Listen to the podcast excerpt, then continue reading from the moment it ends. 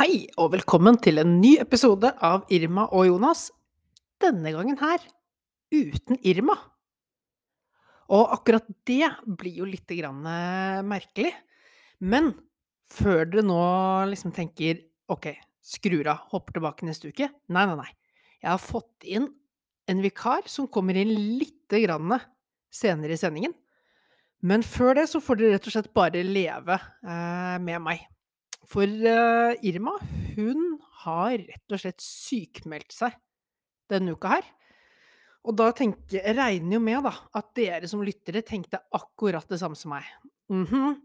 Sykmeldt seg? Er det tilfeldig at det skjer samme dag som krigen mellom Ukraina og Russland er i ferd med å rulle i gang?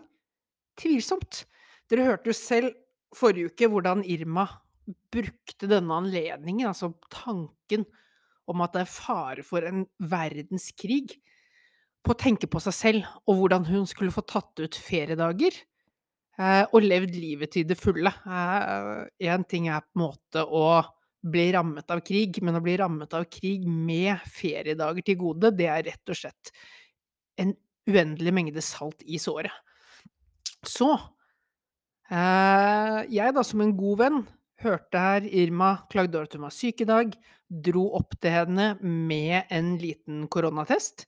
Rett og slett mest for å gi henne muligheten til å få et håndfast bevis på at hun er syk, og at hun ikke bare eh, starter å leve livets glade dager.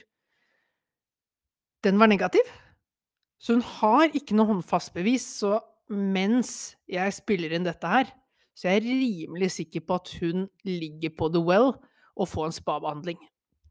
Hun er jo tross alt det eneste mennesket jeg kjenner til som tenker at det å hoppe ned i et gjørmebad er den beste måten å kamuflere seg og gjemme seg på når vi blir invadert.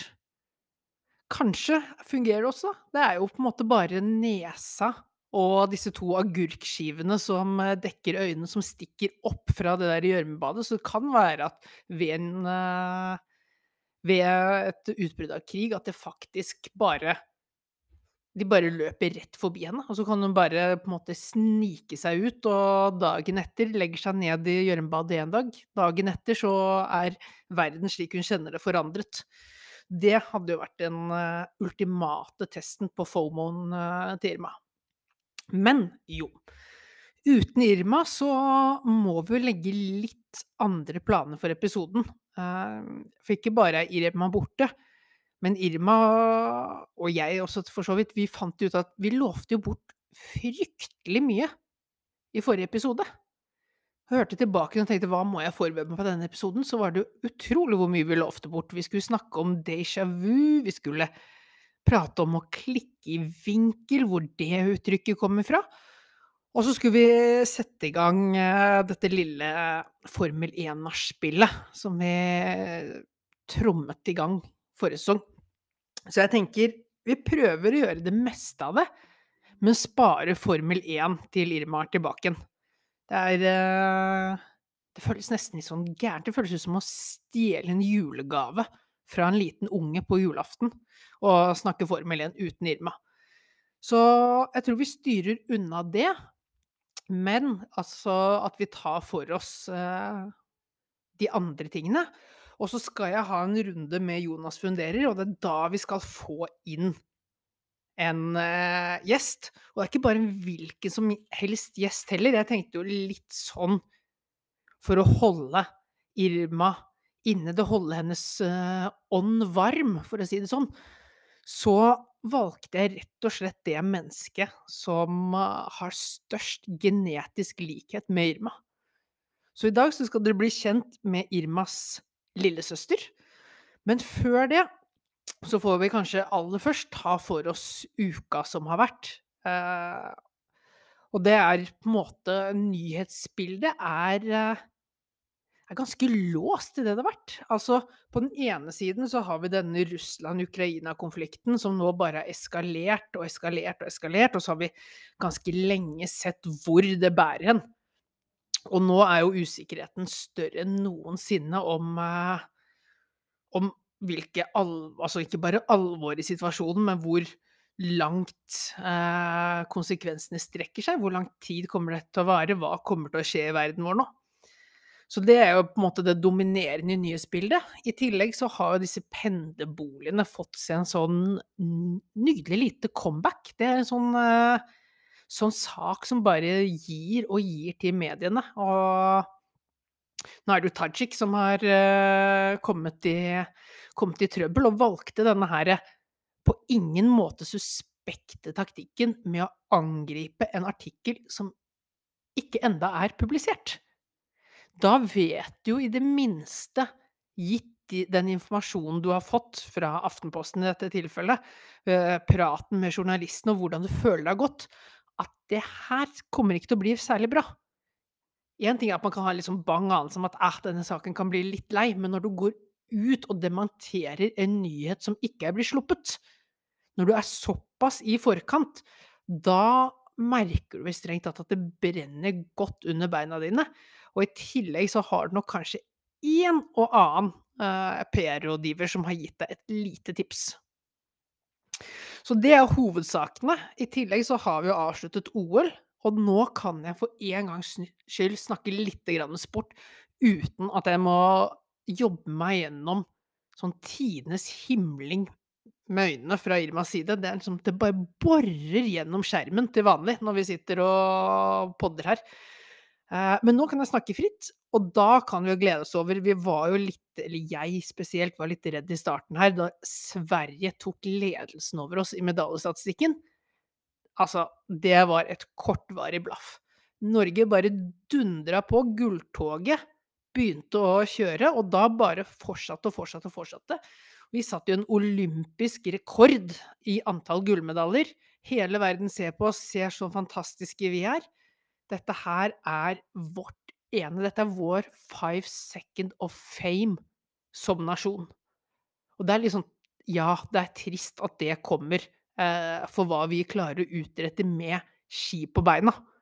I øvelser altså langrenn i seg selv kan man på en måte forstå, for det handler jo bare liksom om å gå på ski raskest mulig fra A til Å. Det er liksom å løpe raskest mulig fra A til Å, sykle raskest mulig fra A til Å. Man kan forstå hvorfor det er en idrett. Men så har du også begynt å kombinere dette her med masse ting, altså skiskyting. Gå på ski og skyte blinker. Det er på en måte Det er ingen Det gir jo ingen mening. Det er eh, folk som drar ut på jakt og slike ting. Det er ikke om å gjøre å være raskest mulig ferdig med jakta. Slik jeg har forstått det, i hvert fall, handler det mest mulig om å få lengst mulig tid vekk fra kone og hjem. Så skiskyting, den skjønner jeg ikke. Og så kombinert også hopp og langrenn eh, sammen. Altså stor fan av begge idrettene, men jeg kan forstå fra et sånt utenlandsk perspektiv at det føles litt ut som at vi nordmenn bare melker den her kua for alt det er verdt. Vi er gode til å gå på ski, da skal vi kombinere det med alt mulig. Vi kan ikke ta mer enn et visst antall gull i langrenn, så vi må også spre det ut til skiskyting og kombinert for å rett og slett for å få sanket med oss så mye gull vi kan. Sånn sett litt sånn derre vinterpirater på tokt etter mest mulig gull og bare finner opp en hel haug med ting for å få det som vi vil. Så det er det jeg på en måte har bitt meg merke til i, i nyhetsbildet denne uka her. Uh, og da tenker jeg at da får vi begynne etter, etter at vi har gjort unna nyhetsbildet, så får vi begynne å huke av denne lista med ting vi skal gå gjennom, da. Én etter én. Uh, og jeg tenker det første vi bør snakke om, er jo déjà vu. For det dukket jo så vidt opp her i um, forrige sending at Irma følte hun hadde sånn voldsomt déjà vu. Uh, og det i seg selv ikke så merkelig, for déjà vu er vel noe vi alle har følt på. Altså å sitte med den der følelsen av at vi i ett, i ett eller to sekunder så vet vi hva som skjer. Vi føler dette her har vi opplevd tidligere, og jeg vet akkurat akkurat hva som kommer til å skje nå. Jeg vet akkurat hvordan den personen kommer til å respondere. Jeg vet akkurat at dette kommer til å skje. Og så varer det bare noen få sekunder, og så får du en sånn merkelig følelse at oi, hva var det? Så det har vel de fleste av oss følt på. Eh, men jeg bare kjenner at i mitt hode så er déjà vu er på en måte hukommelsen vår som kødder litt med oss. Eh, og det er jo der Irma har jo fullstendig mangel på hukommelse. Så hvordan i alle dager kan noe som ikke eksisterer, tulle med deg? Det er det jeg ikke skjønner. Eh, så jeg gjorde jo litt research og fant ut at hvis man opplever veldig mye déjà vu, altså sånn unormalt mye, så kan det, så kan det tyde på at man har en psykisk sykdom. Så jeg skal bare holde Hvis vi nå i fellesskap holder litt øye med Irma, hvis hun begynner å klage over enda mer déjà vu enn det hun gjorde i forrige sending, da er det rett og slett eh, på tide å ta, ta en sjekk. Ta en sjekk av huet hennes. Uh, og det kan jeg si, jeg som har måttet sjekke huet mitt nå, det er, uh, det er overraskende hvor lite de finner. Overraskende hvor lite de finner. Så nei, men déjà vu, det er Når jeg søkte opp, det er på en måte et fenomen som det forskes veldig lite på. Og det er fordi det er utrolig vanskelig å forske på. Det var jo noen som sier her, jeg har lest at eh, for å kunne definere noe som et psykologisk fenomen, så trenger man to ting. Det ene er en sannsynlig årsak, og det andre er en spesiell observasjon på oppførsel. Og ingen av de to tingene har man med ved déjà vu.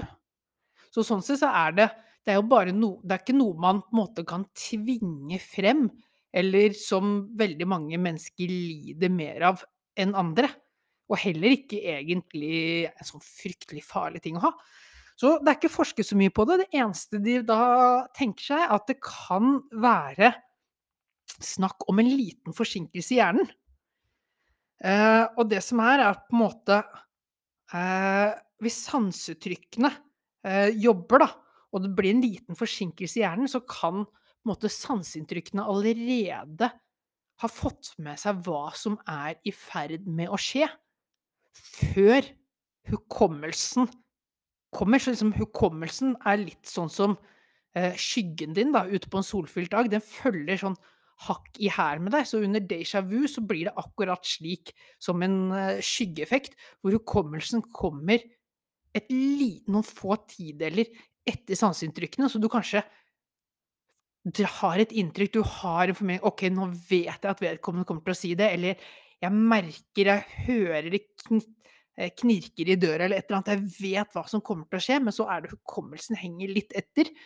Så du rekker akkurat å observere hva som kommer til å skje, og så kommer det inn i hukommelsen, og dermed så føler du at du øh, allerede har opplevd dette her. Selv om det egentlig bare er sanseinntrykkene dine som ligger i det der lille hestehodet foran hukommelsen.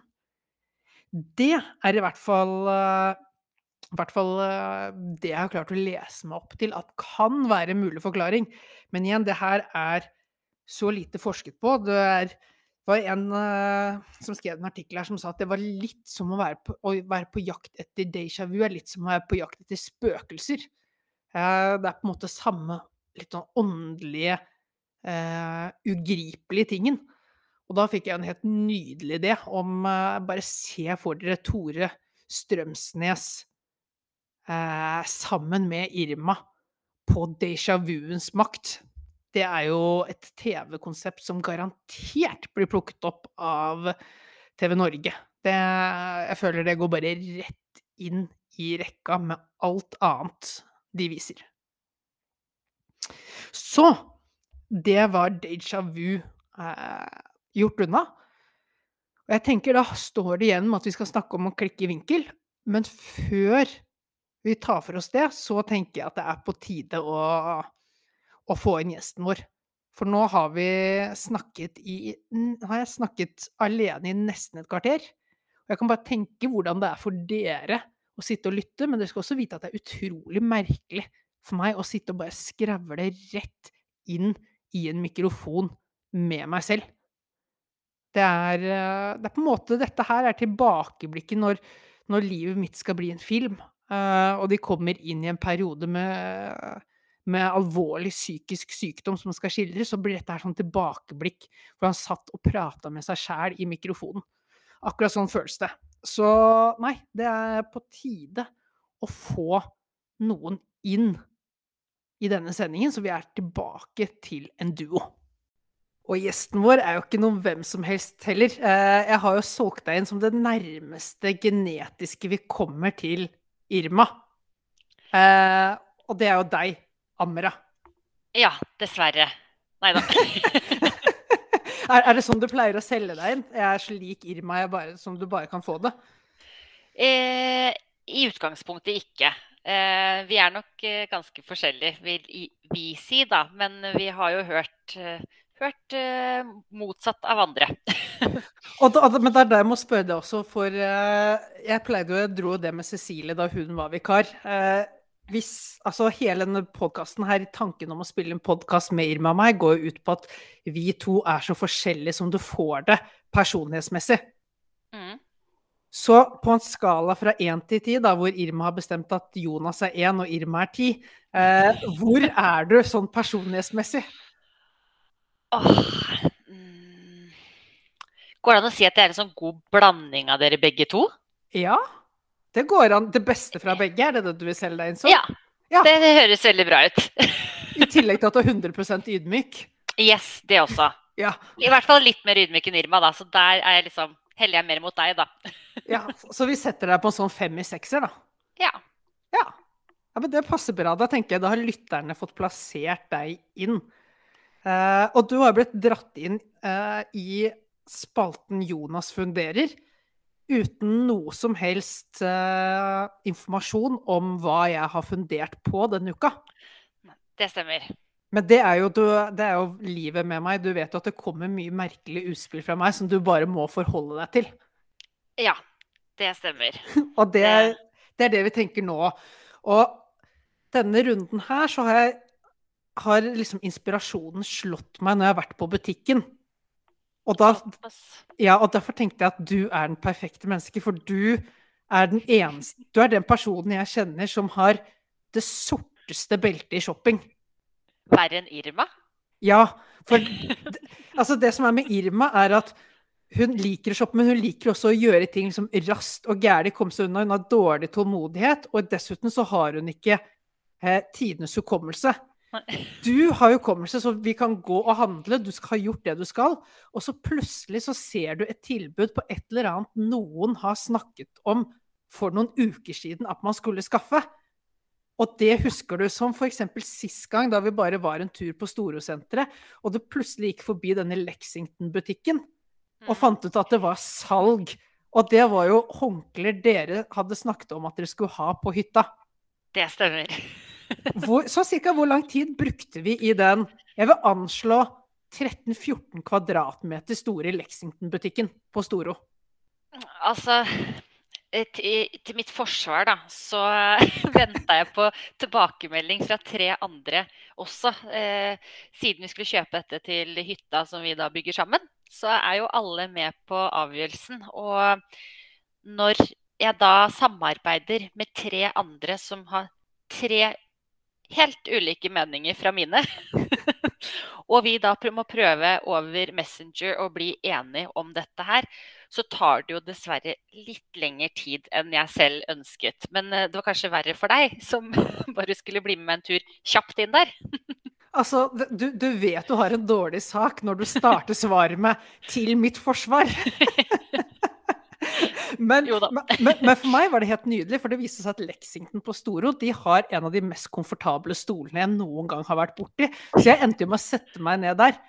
Ja. Eh, men jeg må være jeg må så, Du sier at dette her var til hytta dere bygger, men jeg begynte å bli Basert på mengden håndklær og badekåper som ble kjøpt, så er jeg litt usikker på om dere bygger hytte, eller om det åpner en spa-avdeling.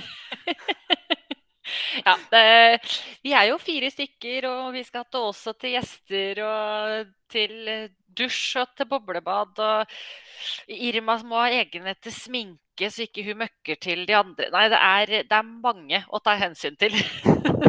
men, men, men, du forstår begrunnelsen min for ditt sorte belte i shopping, basert på erfaringen min her? Jo da. Jo da. Jeg, jeg legger, meg, legger, meg, flat der. Jeg, jeg, jeg ser den. Jeg tar den. Og, og, og, det som skjedde der, er jo noe av det som henger litt sammen med min historie. For da vi var i den butikken, det tok faktisk kassadama så lang tid å slå inn og pakke disse produktene at de som sto bak oss i kø, de ga opp og gikk ut av butikken. De gadd ikke å bli stående og vente. Upsi. og det var noe av det her som skjedde meg også, Amrad, som jeg da begynte å tenke på. Uh, en erfaring fra denne uka her. For jeg var Først så var jeg i matbutikken, og så skulle jeg handle inn. Jeg skulle spise hamburgere sammen med broderen og søsteren. Så jeg hadde fått innkjøpsansvar, så jeg var og kjøpte kjøttdeig og løk og tomat og agurk og ost og alt vi liksom trengte. Og så Da er det på en måte greit. Det er jo ordentlig handler. Fint, jeg finner roa, jeg gjør det jeg skal. Og så kommer jeg sånn ti meter ut av butikken, og så kommer jeg på at jeg glemte å kjøpe pommes frites. Ja.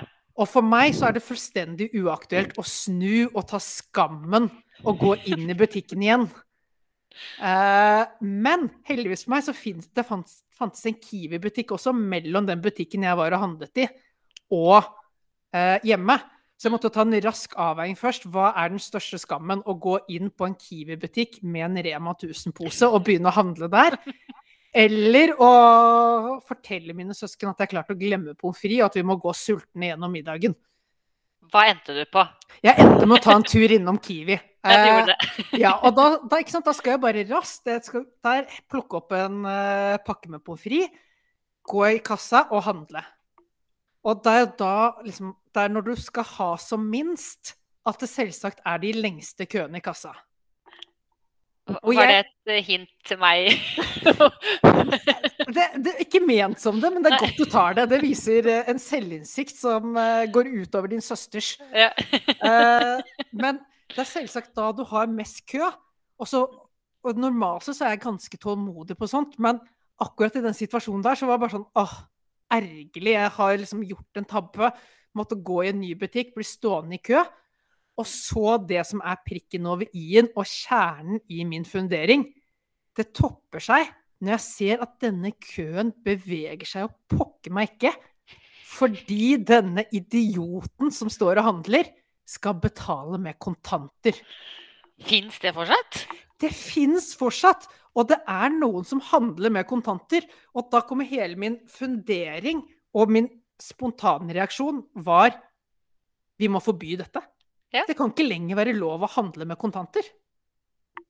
Nei, altså, der kan jeg si meg enig, men det er vel fordi at jeg ikke har sett noe til kontanter eller brukt det selv på år og dag. Eh, men tenk deg så mange der ute. Er det ikke snakk om at det er vanvittig mye folk som sitter på kontanter rundt om i hjemmene sine?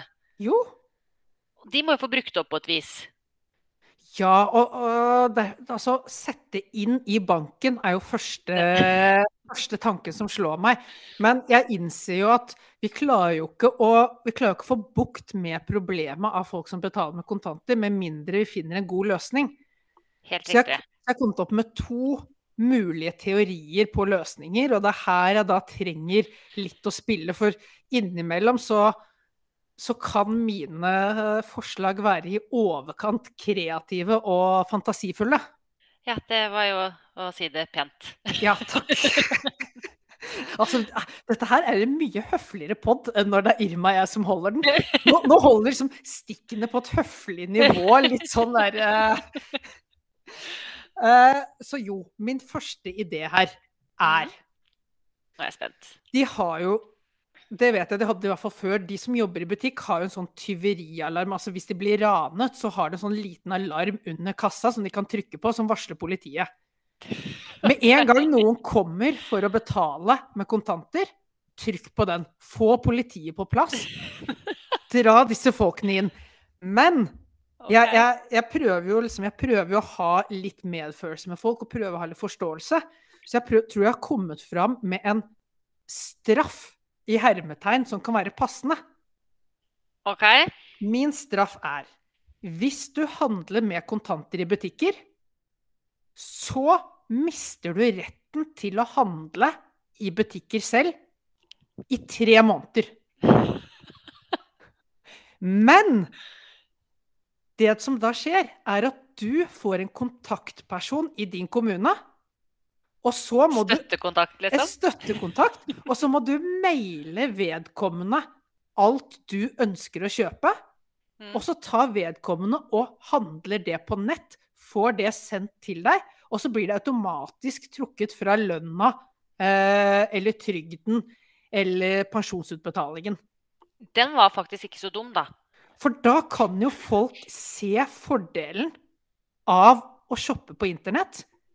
De får det de vil. Samtidig så er det det er en straff også å ikke kunne gå i butikken hvis du får, lyst på, hvis du får sånn sinnssykt lyst på en sjokolade. Så er det jo noe dritt at du må sende en mail til en i kommunen som ikke jobber et sekund utenfor åtte til fire, og så bestiller, og så får du den via Oda en dag eller to etter det. Så det ligger et straffelement, samtidig som det er en berikelse i livet deres å se hvor flott det går i et kontantløst, velfungerende samfunn. Ja. Men vet du hva, den syns jeg, Var det liksom de to alternativene dine? Det var det ene alternativet mitt. Hva syns du om det- det først? å, det, det var var mitt ett, ja. ene alternativ. Bare rett og slett var arrester, arrester folk. Eh, ta fra dem retten til å handle selv i tre måneder. Men få det, gi dem gratis hjelp til internettshopping. Ja. Eh, jeg syns jo det med at de skal bli arrestert, var litt i overkant voldsomt eh, og kreativt. Eh, men resten av ideen syns jeg ikke var så dum. Nei, for jeg tenker det her med å få politiet til å arrestere dem litt, og det er bare sånn ja, De trenger bare liksom å kaste dem litt rundt i en politibil, bare som de sier i USA, 'roughen them up a bit'. er jo mer bare sånn for å få, få dem til å forstå at dette her er ikke ålreit. Men hva med å da faktisk nekte dem i stedet for å arrestere dem? Altså at kassaapparatene rundt om i butikker de ikke, kan ikke ta imot kontanter. Så folk som har kontanter, blir jo tvunget til del to av løsningen det, uten å bli arrestert først. og det er, det er Å få det på rullebladet, liksom. At, eh, det tror, jeg, det tror jeg er noen som vil si at er den fornuftige løsningen. Samtidig så da må det bli et politisk vedtak. Og jeg tenker det er ingen Oi, det politikere som våger å gå til valg på det. nei. Så jeg tenker heller snikinnføre loven om at det ikke er lov, og så slå ned på det. Så er det ingen som sånn sett trenger å fronte det så mye. Eh, og ta støyten for det. Det fins et alternativ. Og så er det litt sånn Kanskje må vi være Kanskje må vi ha en sånn overgangsperiode hvor vi er litt milde mot turister og sånt, som kommer fra en kultur hvor de har mer kontanter i omløp enn det vi har i Norge i dag. Ja. Det Nei, er, det er altså, mye å tenke over der, men det jeg føler jeg er er inne på noe. du er absolutt inne på noe fortsatt på del to av, av løsningen din. Men uh, jeg tror del én kan bli litt problematisk. Altså, jeg tror det kan bli nesten like problematisk å arrestere folk. At det kommer på rullebladet deres, liksom. At de har brukt kontanter kontra det å politisk vedta et forbud. Hvis du skjønner hva jeg mener? Det, jeg, jeg innser at det er litt kjipt hvis du, du drar på familieferie til USA, og så blir du stoppet ved inngangen bare 'Sorry, you have a criminal record'. Bare I'm so sorry, but I was just trying to pay with cash in a Norwegian store. Nothing worse. Å ja, nei, det Nei, så den Altså, var det meningen at jeg skulle liksom skrote ideen eller ikke? Nei, nei, det, Nei, det er ikke Jeg skulle bare komme med tilbakemeldinger, liksom? Ja, jeg vil liksom først og fremst få en tilbakemelding. Er dette et problem vi trenger å ta tak i i samfunnet? Og kan det her også da være en løsning? Um, I utgangspunktet uh, Jeg skjønner frustrasjonen din litt. eh, men jeg syns det er en hel del andre utfordringer i samfunnet som kanskje bør prioriteres For det, det, det fins selvsagt, selvsagt et annen problemløsning, og det er jo at jeg hever meg over situasjonen og smører meg med litt grann tålmodighet. Ja, for det var liksom det jeg skulle komme til neste. At eh, det fins verre ting som eh, og større problemer og utfordringer som vi kanskje bør ta tak i og bruke ressurser på, eh, kontra det å straffe folk som bruker cash i, som betaling. Og det, det er jo fryktelig dårlig opplegg til mitt løsningsforslag nummer to. Men uh, la oss fortsatt si at det er et problem, da, så har jeg et løsningsforslag nummer to. okay. Og dette her er noe jeg har diskutert sammen med en annen venninne av meg tidligere. Mm. Så her må Kristin ha 50% av æren for dette det geniale forslaget som jeg skal komme med nå. OK. ok. Og utgangspunktet her er at Kristin hun er fra Skjåk i Gudbrandsdalen. Å, det er jo så koselig der. Ja, og det er, det, det er så koselig, og det er så mye dialekt. Ja. Så det er mye dialektord, så hun sier jo Istedenfor kroner, så sier hun skilling. Hæ? Altså hvis du, hvis du skal kjøpe en leilighet i Oslo, eksempel, Ja. Det koster sykt mye skilling. Du skal ha sykt mye skilling for å kjøpe en eh, leilighet i Oslo. Og hvis du hadde spurt Irma om å si det, så hadde hun kalt det kylling, for hun klarer ikke å si Ja, og da hadde vi, plutselig virkelig vært på en annen løsning her. Hvis du skal ut og betale med kyllinger. ja. Det hadde Irma gjort, da hadde du spurt hun. Ja. Men det er det jeg liksom tenker, for skilling det er jo litt sånn gammeldags begrep. Og så er det litt sånn koselig at tenk deg i gamle dager, så var det noe som kosta én skilling. Ja. Så vi Ja. begynte å leke med tanken om en helt annen myntenhet og struktur i Norge. Og prisstruktur. Hvor alt i Norge skal koste én skilling. Men Alt. Alt skal koste en skilling, men det fins Det er ulike størrelser på skillingen. Altså, jo større skillingen er fysisk, jo mer verdi har den. Så hvis du skal kjøpe en leilighet i Oslo, så må du kanskje ha en sånn tre meter i diameter stor skilling. Altså hvis du skal betale cash da, så må du ha en lastebil som frakter skillingen. Der hvis du- jo helt da, Jonas. Du ha hører det sjøl. hvis du bare skal ha en banan, så skal du betale med en liten skilling. Og det er da jeg tenker at hvis vi innfører dette systemet, som gjør at du ved å handle ting må ha større og større skilling for å kunne betale kontant, altså tyngre og tyngre myntenheter. Altså du må ha Så vil ikke folk bruke det. Nettopp. For, og det er jo oftest jeg tenker det er oftest gamle folk som betaler kontanter òg. Mm. De kan jo ikke bære med seg en sånn ti kilos skilling eh, på Rema når de skal gå og handle. Nei, den, eh, den ser jeg. Sånn sett så er tanken god, men dette syns jeg spora noe helt vanvittig.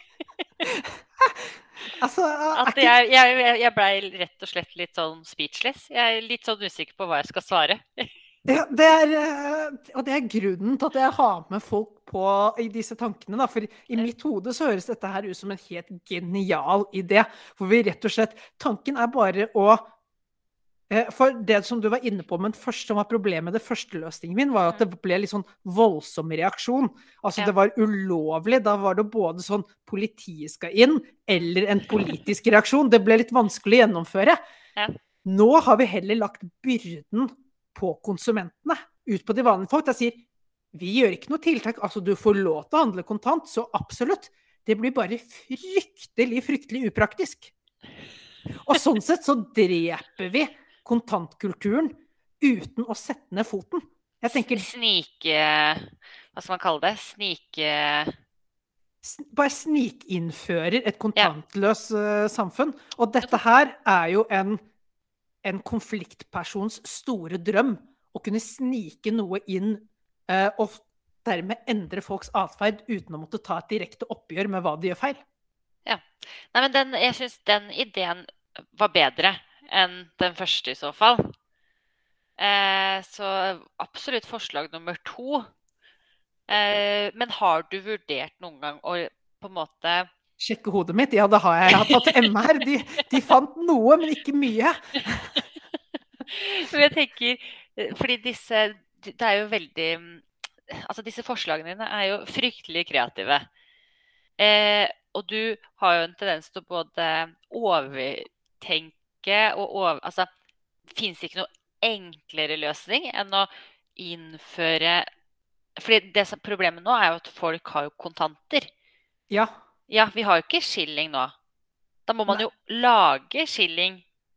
Det er sant. Og så må du bytte om. Men vi har samtidig Yes. vi har by, vi har bytte, vi har De siste årene så har vi byttet inn sedler og sånt. Disse 200-lappene, Ja, ja, ja. 100-lappene måtte jo Det levere lar seg gjøre. Akkurat nå er folk litt sånn i modus på et Mm.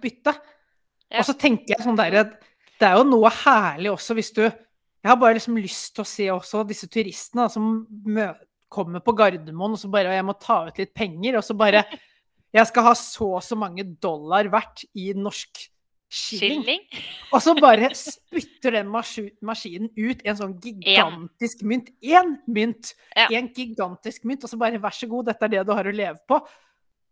Og så, ja, så må du, kommer du, ruller du den ut på flybussen, da, så skal du betale med den her eh, ene skillingen, og så bare OK, det må du Og så blir det mindre for hver gang, liksom? Ja, men du kan jo bare få én skilling tilbake. Det er ikke sånn at du får en masse småskilling, for det er jo i alt skal bare Det er én til én. Så da får du en litt mindre skilling, så må du rulle den inn på flybussen.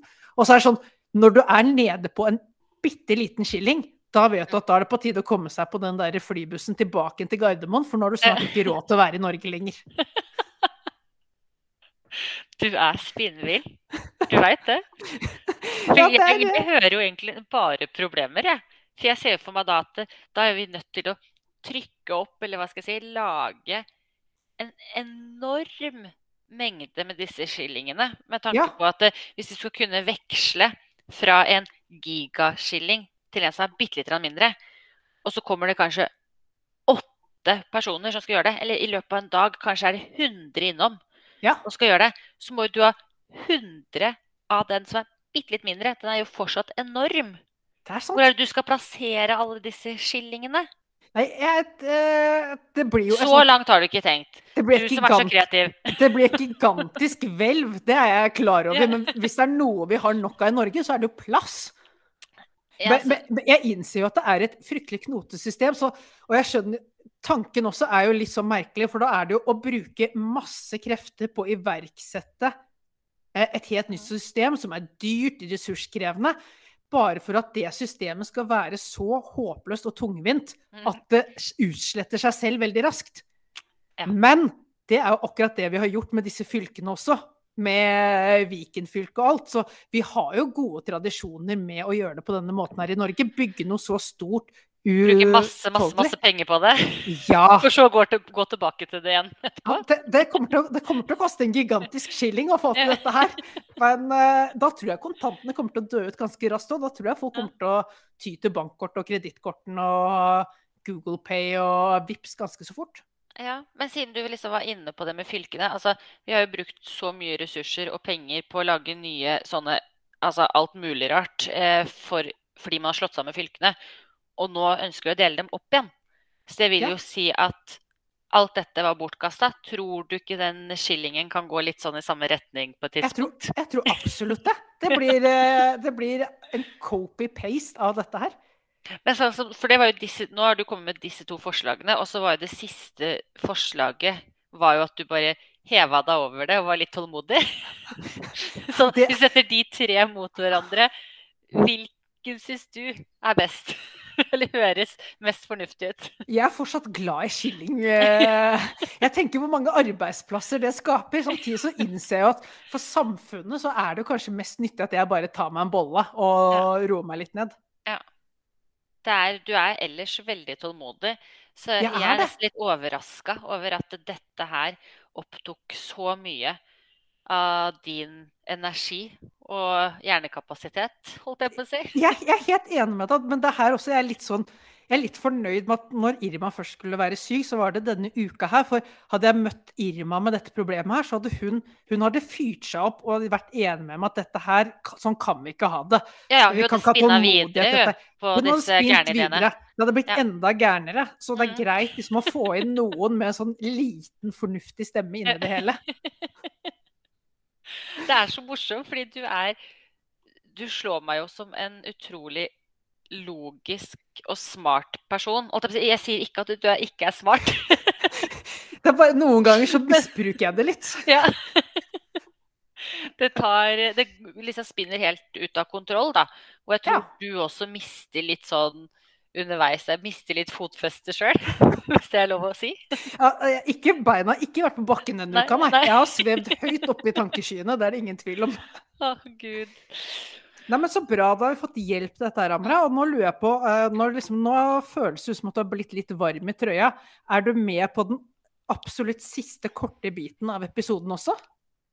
Eh, altså, ordtrykk Ja, men, men dette her blir en, blir en Jeg sa det riktig, gjorde jeg ikke det? Du sa det helt sa, Altså, Irma er så stolt nå. Jeg tror hun aldri har vært så stolt av deg som hun er nå.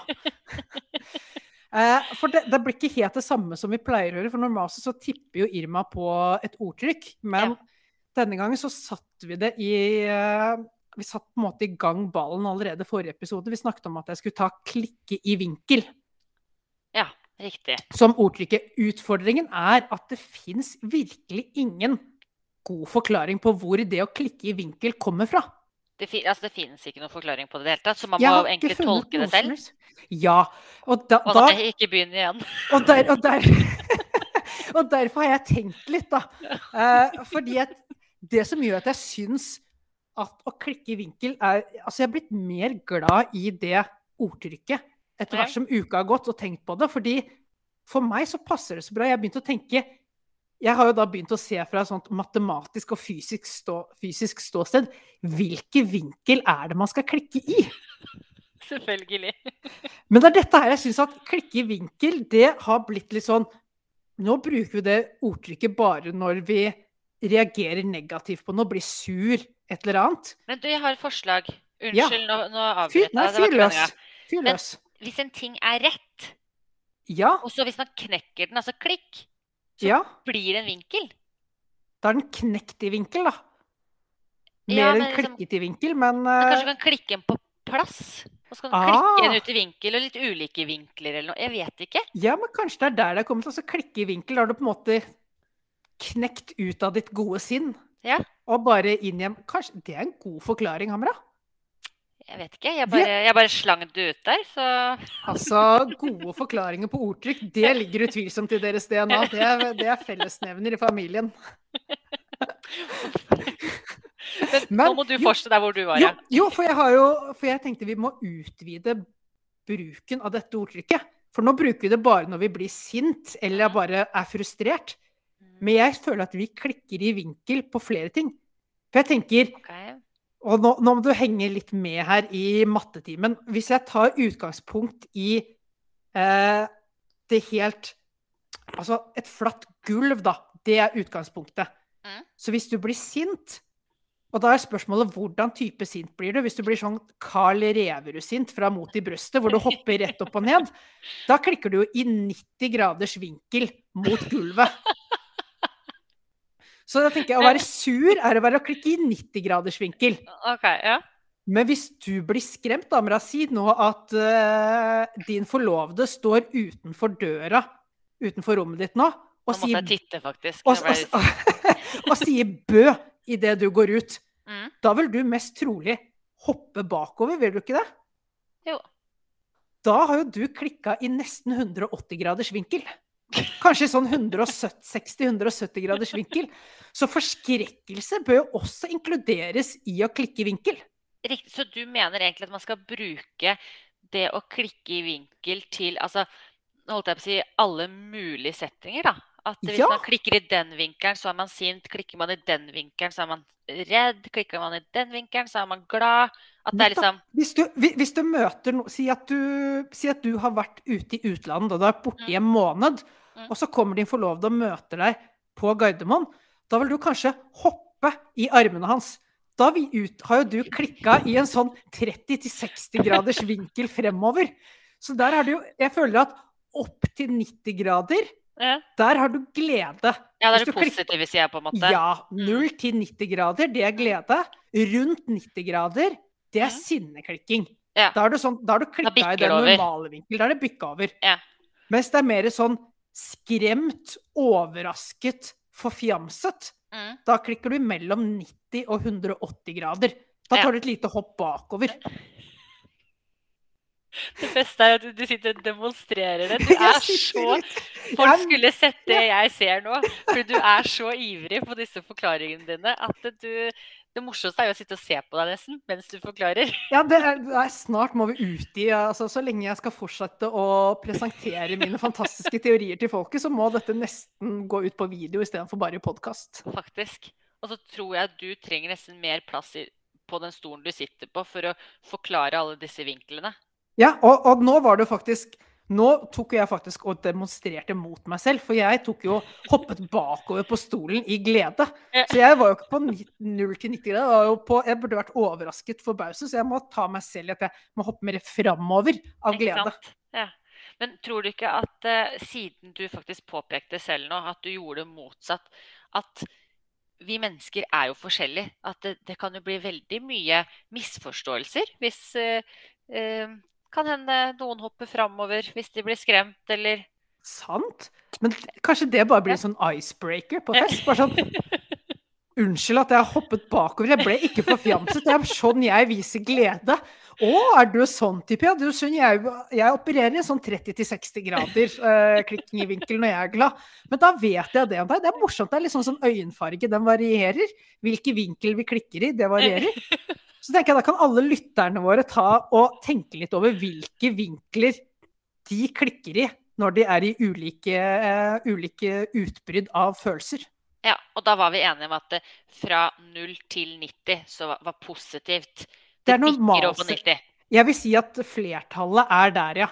ja. Uh, rundt 90 grader, da begynner du å bli sur. Da er det ja. mye opp og ned, veiving med armer. I verste fall hoppe opp og ned. Hvis du er av typen som hopper opp og ned når du blir sint, så, så må du bare beklage, men det er ingen som kommer til å ta deg alvorlig når du er sint. Det, det, er veldig synd. Folk kommer til å bli forvirra. Folk kommer til å bli forvirra. Jeg opplevde det samme da jeg var i Sverige. Det å være sint på norsk. Ikke at jeg klarte å være det, men det, det syns de er jettegullet. Fordi vi avslutter alt sånn positivt opp. Så det høres bare ut som at vi er superpositive mens vi er forbanna. Så, så hvis vi i tillegg da er en norsk sint person i Sverige som hopper opp og ned og skriker og skråler, da er det fare for å bli plassert rett på sirkus, for det er den beste underholdningen de kan få. Ja, nei, eh, der må jeg ærlig si at jeg likte bedre min forklaring. Men jeg syns du skal ha for innsatsen, Jonas. er... jeg, jeg, skjønte det. Jeg skjønte det jo. Jeg var jo ja. med på hele greia. Så bra. Jeg ser også bare konsekvensen av det, så at jeg Ja. Du, du er ikke like opptatt av meg å, å overkomplisere ting i livet og hverdagen. Altså, andre vil jo si at det kanskje er det, da. Ja, eh, men, andre som er enda enklere enn meg igjen, men uh, Her har du møtt din overmann på ja, området. Du, du, hvis du noen gang får den negative feedbacket, så må du bare si 'la meg introdusere deg for Jonas'. Ja. Så skal du se at du kommer i et helt annet og fantastisk lys. Eller så får jeg klikke i den vinkelen som passer. Nettopp! Mm. Veldig, veldig bra, Mra. Ja, men da, da, har vi den, da. Klikkevinkel. Vi, liksom, vi knekker litt, klikker ut av uh, vår vante tralt. Mm. Og så må vi bare være litt observante på hva vi viser med kroppsspråket. Hvilke vinkel vi klikker i, har noe å si, det òg. Ja. Helt enig. Høres veldig bra ut. For en nydelig konklusjon å ende denne podkasten på. Og tusen hjertelig takk for at du ble med, Amra. Det var eh, så mye deiligere å avslutte denne poden med noen å prate med enn du kan, du kan, tenke deg om jeg skulle dratt disse teoriene for meg sjæl, sittende her. Det hadde jo uten motstand. Det hadde jo ikke vært bra. Nei, altså jeg syns i utgangspunktet at det hørtes uh, ganske spinnvilt ut. Sånn om du hadde sittet og diskutert det med deg selv. Da lurer jeg på om jeg hadde kommet en tur innom deg for å sjekke om, om, om det går bra med deg eller ikke. altså, det er dit vi skulle sendt politiet, ikke til han stakkars ja. som står og betaler med cash i min lokale Kiwi-butikk. Jeg tenkte å si sende ambulansen, eh, men jeg tenkte ikke Kanskje enda bedre. Kanskje enda bedre. det, det er mulig å sende flere instanser samtidig. Ja. Og så starter den igjen, vet du. Og så er vi i gang. Nei, tusen hjertelig takk for at du ble med, Amra. Og så får vi bare ønske Irma god bedring, sånn at hun eh, rekker å bli med på moroa igjen eh, neste uke. For uh, jeg, jeg, jeg syns synd på henne, som har gått glipp av disse fantastiske samtalene her. Ja, jeg, takk for at jeg fikk komme. Jeg syns jo dette virka fryktelig skummelt, men syns det har gått OK. Greit. Så bra. Nå er debuten unnagjort, så nå vet du at nå kommer du til å satse på podkast resten av livet. Ja, det var akkurat det jeg tenkte.